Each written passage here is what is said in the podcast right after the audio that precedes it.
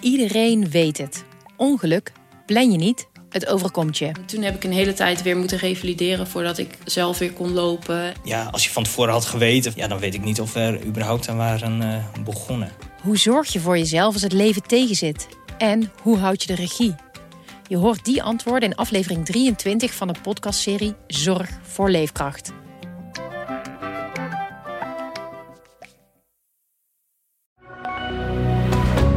Goedendag, dit is het nieuwsoverzicht van de Stentor. Omwonenden van tennisvereniging Epe vrezen voor overlast als er pad L-banen komen. De tennisclub wil drie banen aanleggen om jongeren naar de vereniging te trekken.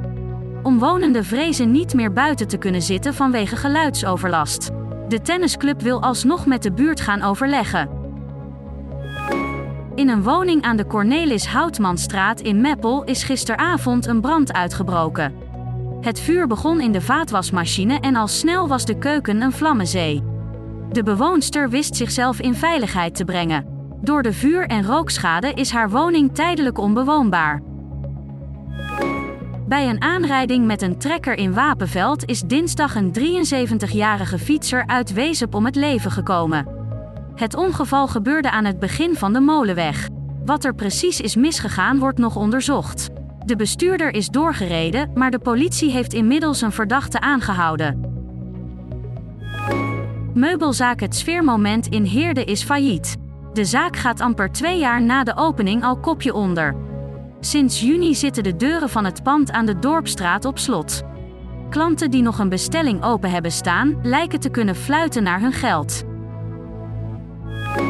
De Nederlandse economie is in een recessie beland. In het tweede kwartaal is de economie met 0,3% gekrompen ten opzichte van de voorgaande drie maanden.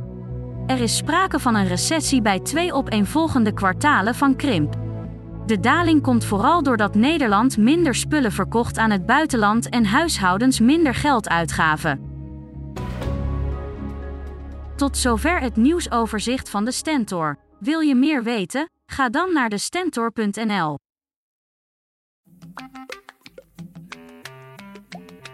Iedereen weet het.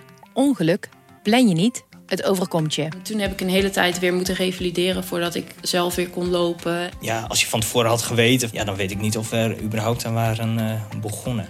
Hoe zorg je voor jezelf als het leven tegenzit? En hoe houd je de regie? Je hoort die antwoorden in aflevering 23 van de podcastserie Zorg voor Leefkracht.